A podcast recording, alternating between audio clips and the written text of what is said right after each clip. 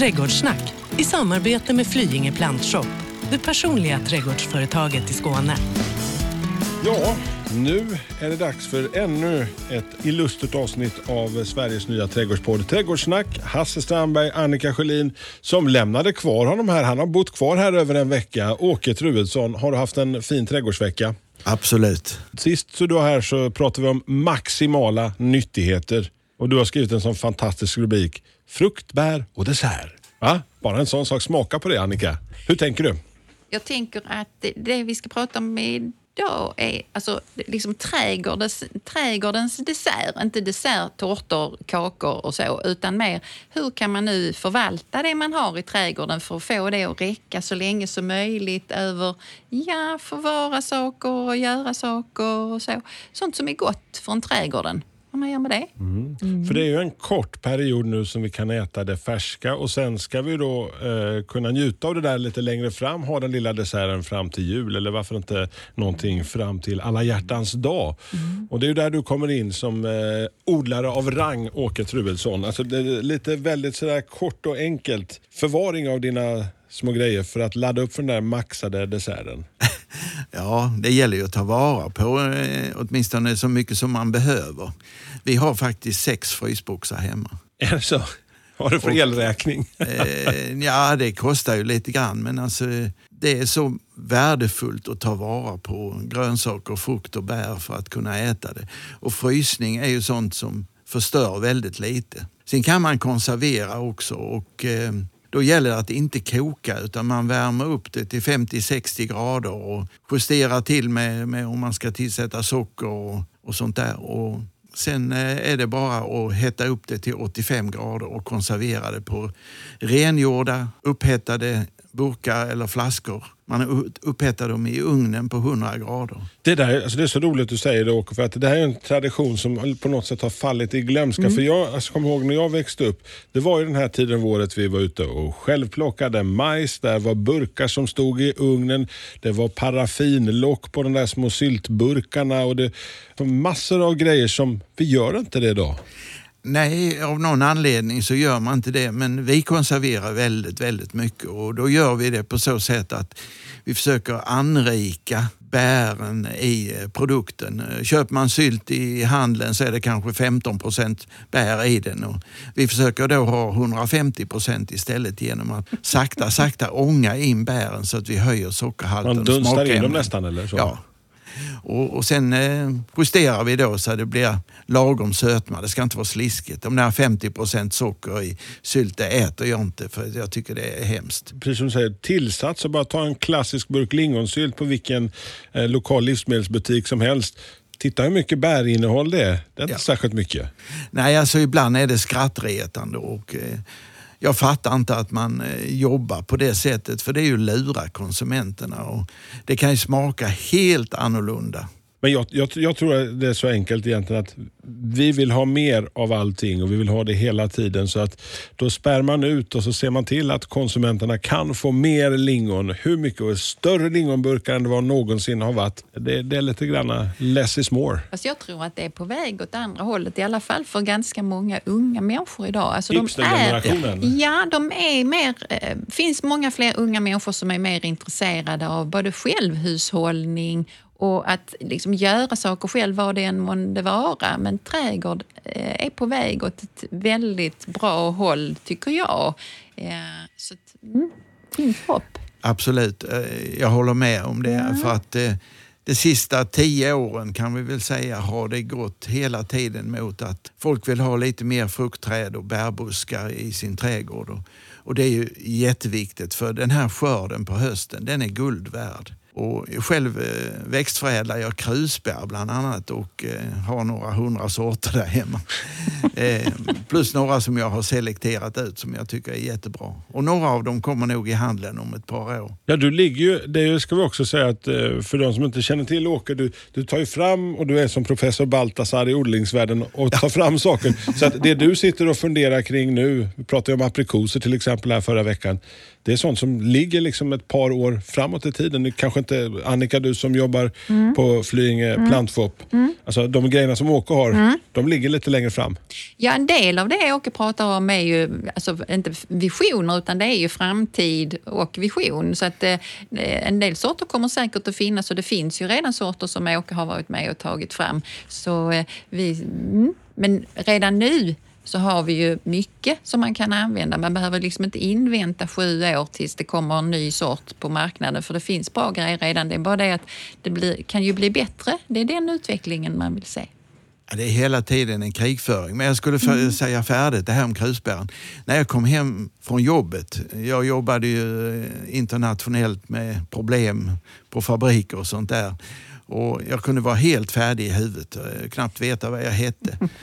Och då går man ut i trädgården och så går man långsamt runt under hösten då och provsmakar krusbär eller körsbär eller någonting sånt där.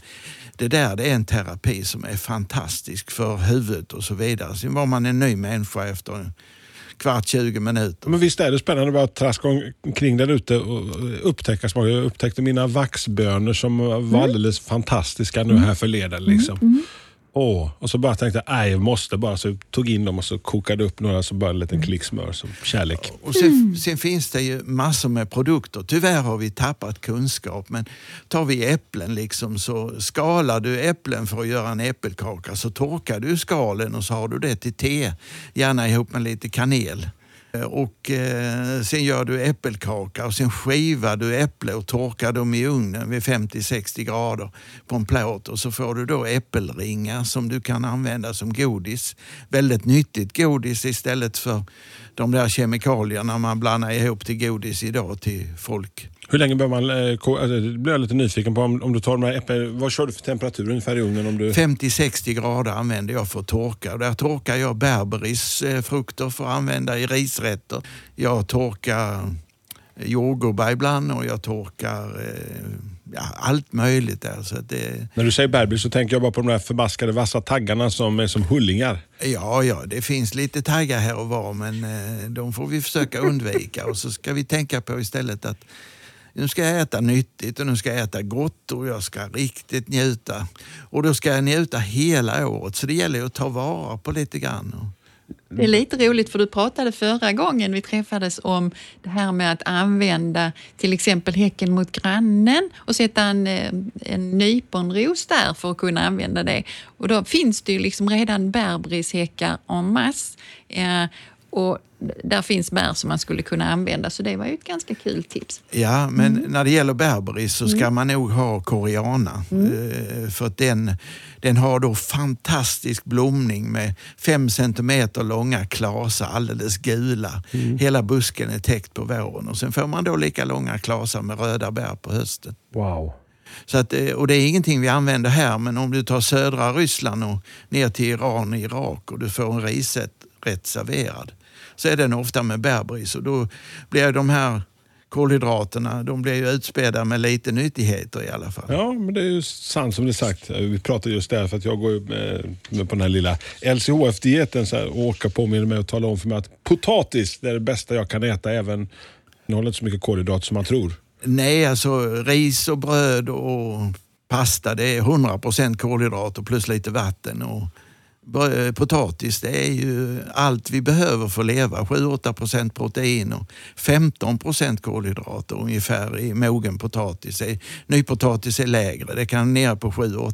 Man förstår varför irländarna höll på att trilla av pinn där när de hade stora problem med potatisskördarna Ja. på 1800-talet. Ja, nu finns det ju potatis som är tidiga och som vi kan rycka blasten av så fort det blir tecken på bladmögel och har egna potatis hela året runt och det finns helt underbara sorter. Ja, för det är just det som är viktigt att bli av med blasten. Så den kan man ju då slå, om man är duktig på att slå med lie så kan man ju slå av den. Nej, inte slå av den. Man måste dra upp den för att annars börjar potatisen växa om och då kan Aj. den bli stenhård och eh, nästan oätlig.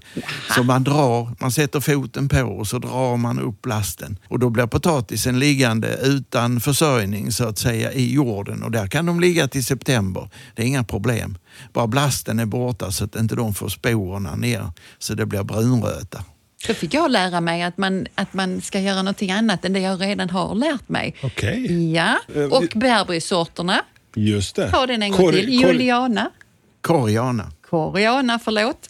Jag satt och grunnade på det här med bär och dessert och det vi ska ha och förvara det som vi ska ha. Vi har konserverat lite grann. Jag tänker faktiskt främst just nu på äppelsäsongen som drar igång. Vad är det bästa sättet att förvara äpplen? Gräv ett hål i marken. Och eh, om du inte har någon jordkällare eller något annat så gräv ett hål i marken. Gör en bur som är säkrad för möss och nu menar jag verkligen säkrad så att de inte kan ta sig in på något vis. Och så förvara dina äpplen där. Och sen ska man ju ha äpplen som sådana. Man ska ha sådana som mognar i början av augusti och sen ska man ha höstäpple och sen ska man ha vinteräpple. Man ska ha minst tre sorters äpple. Och eh, har man det, har man till exempel, eh, om vi tar nu eh, vid denna tiden så har man då ett tidigt äpple. Vi nämnde Astra Karin Gyllenkrok förra veckan. Mm. Och sen har man ett höstäpple och där har vi Fredrik eller Aroma som är underbara sådana. Och sen kommer vi då till eh, vinteräpplet och jag skulle vilja att, speciellt här i zon 1 och 2, att vi odlade Jonagold. För det är då ett äpple du kan ha fram till maj ungefär. Så du, du tappar Trista de man köper i butik, de här eh, proffsodlade nere från Holland och gud vet allt. Ja, de, de gör ju så att de kanske gödslar optimalt för avkastning. Jag ger dem inget kväve, Eh, i stort sett inget kväve, eh, träna, utan jag ger dem en deciliter vedaska på hösten. Och eh, då får man alltså godare äpple, mer blomning och finare äpple. Men eh, kanske inte maximal tillväxt på trädet.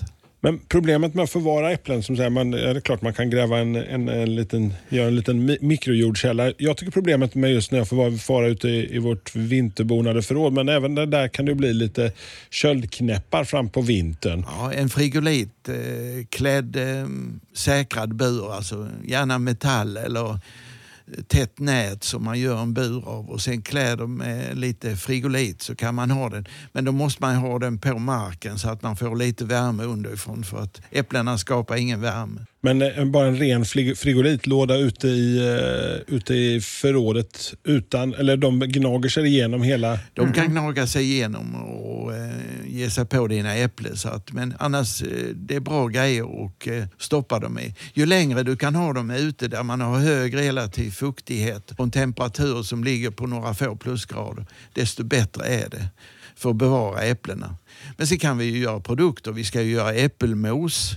Nu börjar det komma rödkött i äpple så vi kan få röd äppelmos. Och sen ska vi ju pressa lite äppeljuice. Och har vi ingen egen press så finns det ställen där kan man få hjälp. Sövde musteri till exempel. Ja, Man ja. kan ja, ta, ta rätt på alla äpplen och så istället för bara kratta ner dem. Om man nu har kompost kan man ju för allt i världen lägga dem där. Men, men att slänga dem på tippen, alltså då är det bättre att köra dem till ett musteri och så gör någon must av dem. Jag, jag tycker det är så fint att ge till de små. Koltrastarna brukar slåss om de här som har fallfrukten. Och så. Ja, vi pressar juice och gör produkter av mycket av äpplena. Men sen har vi alltid en liten låda som, eh, med vinteräpplen som vi lägger ut i portioner till koltrastarna för att vi tycker vi ska hjälpa dem på vintern. Man ska vara snäll mot djuren för de har det inte så lätt. Det är fantastiskt roligt att se när, när, när de slåss om ett äpple. Liksom. De är Ja. riktigt eh, revirtänkande. Jag tycker det är lite De, roligt. de har inte ett så bra bordsskick om man så säger. De skulle behöva en uppläxning där men Eh, man förstår att de, de kämpar för att eh, få så mycket själva som möjligt. När, när, du säger, när vi säger desserter och vi pratar om bär och vi pratar om frukt så känns det ju som att det är mycket socker på något sätt. Hur, eh, hur ska jag tänka där liksom med till exempel mitt lilla äpple om jag ska nu göra en liten äppelkompott till eh, söndagssteken.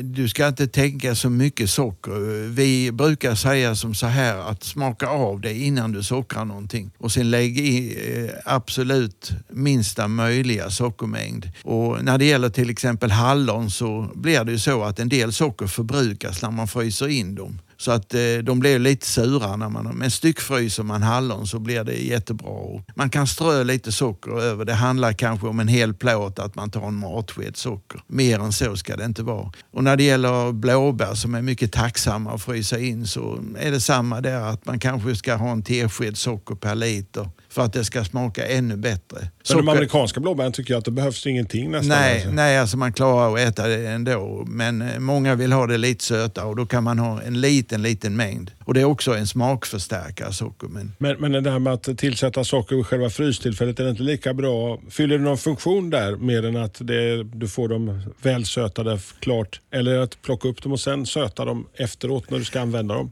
det spelar nog ingen roll vad man gör. Men ibland vill man ha en färdig produkt så när den är upptinad precis Ja. så vill man sleva in. Ja, eller hur? Ja. I foderluckan där. Ja, det är ju gott och, och framförallt så är det nyttigt. Och vi människor borde tänka så här att om vi äter nyttigheter varje dag och försöker undvika sånt som innehåller en massa kemikalier så kan vi dra vårt strå till stacken med att minska sjukdomarna i Sverige. Välkommen till Flyinge plantshop, ett riktigt gardencenter där kunskap, kvalitet och service är en självklarhet. Bara tio minuter från Lund finner ni allt från perenner och buskar till stora träd, jord, gödning och tillbehör. Välkomna till Flyinge plantshop, drömmen för alla trädgårdsälskare. En annan sak som man tänker på det är ju näringsinnehållet när vi väl förvarar dem. Färskt är ju alltid fantastiskt bäst. Färska hallon, färska blåbär och äpplen. Men jag menar, vi torkar dem och vi kanske lägger in dem som du berättar Åke att du gör. Det är ju så att fryser vi in dem så händer inte så mycket.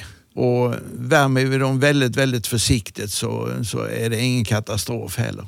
Kokar vi dem en längre tid så förstör vi en hel del saker. Och det är många, många ämnen som vi ska vara rädda om som fenoler och flavonoider och karotenoider och eh, vitaminer och så vidare. Så massor med ämnen som skyddar våra kroppar från elände. Och vi ska tänka på att vi ska inte förstöra det. Så kokning är inte så bra.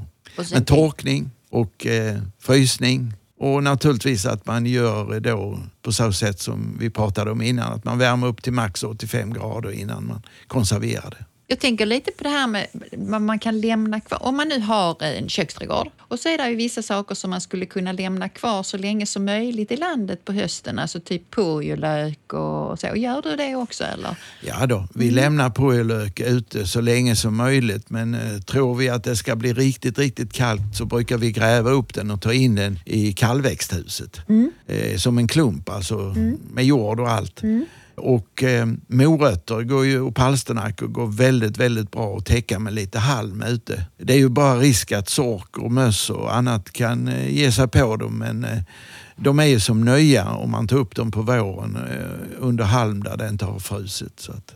I sand? Sen kan man lägga en låda med sand ja, och eh, sanden ska vara lite, lite, lite fuktad. Och så la, lägger man lager med morötter, palsternackor, rödbetor och annat. Men vi la i stuka hemma när jag var barn på gården och där hade vi potatis naturligtvis men vi la äpple och så öppnade vi upp den i april och då såg äpplena likadana ut som när vi la in dem. Man Men det måste ju vara vinteräpplen naturligtvis. Det var Belle de Bosco på husmodern. Det var på den tiden eh, när det inte fanns sådana här eh, blanka, vällackade äpplen som man köper i livsmedelsbutiken. Nej, nej, det fanns inte på den tiden. Eh, och vi gjorde också så att vi la in alla rotgrönsaker som rödbetor, morötter, palsternackor och selleri. Men också kål, kålhuvud och pumpor. La vi, pumporna la vi till frostfritt kallt till förvaring och eh, kålhuvudena la vi i stuka. Och de klarade sig väldigt, väldigt länge där. Så att, eh,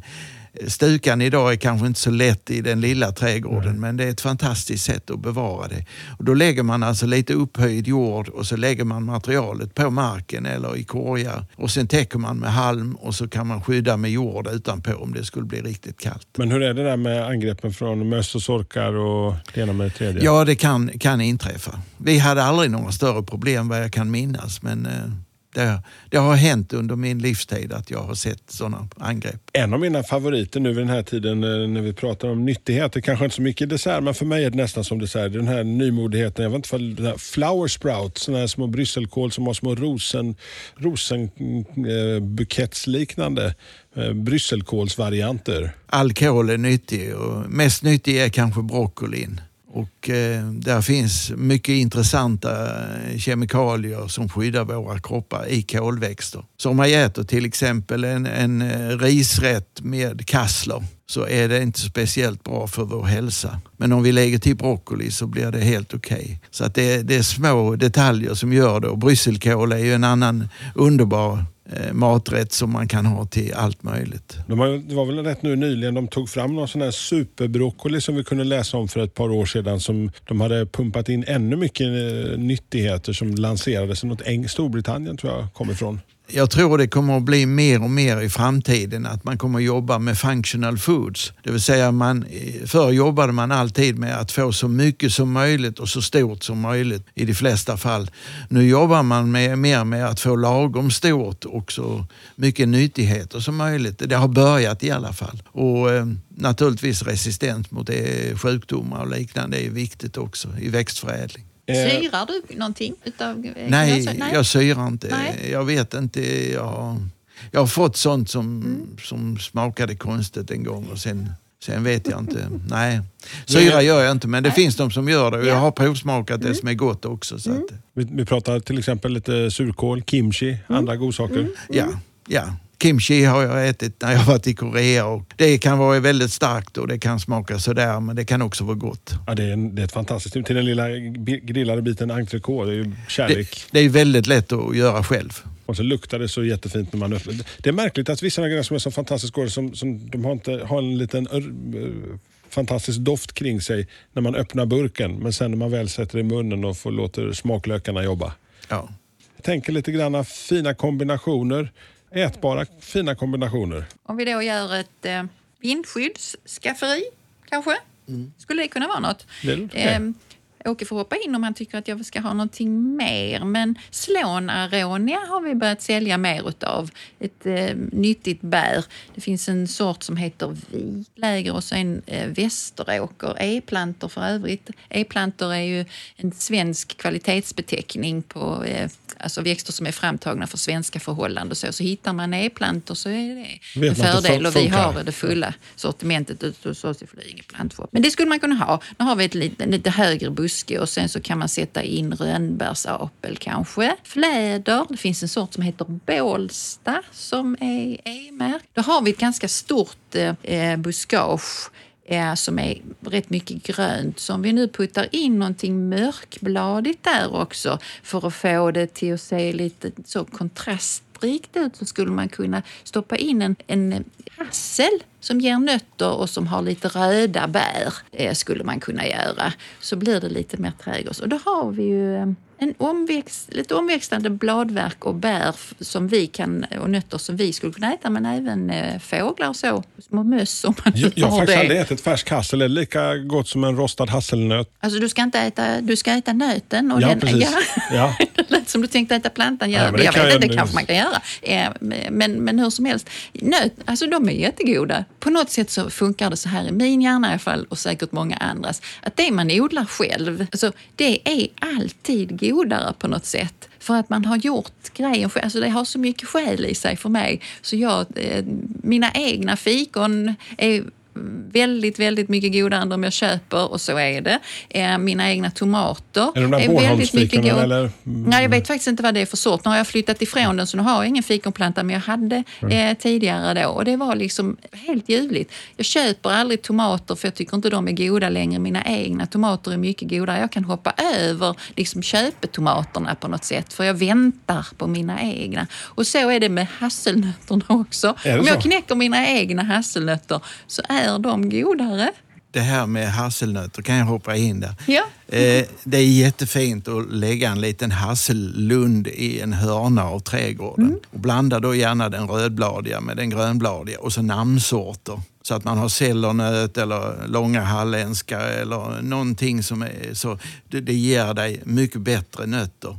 Vi skördar ungefär en papperskass med eh, hasselnötter om året. Och det är underbart gott att använda och nötter är ju väldigt, väldigt nyttiga för oss. Ja, vad, vad är det för nyttigt att vi hittar en liten, eh, liten hasselnöt eller kanske en valnöt som man kanske har i det? Ja, alltså en valnöt blir ju ofta större träd. Eh, så att det ska man tänka på. Men hasselbuskar är inte så där jättestora. Och de kan vara en perfekt avgränsning mot norr till exempel om man vill slippa vindarna där eller någonting sånt här. Och blandar man då rött och grönt så kan det bli ganska häftigt faktiskt. Men nyttigheterna själva, i själva hasselnöten, vad vi I, hittar I hasselnöten är det så att det finns bra fett men vi ska tänka vad en hasselnöt är, vad ett frö är.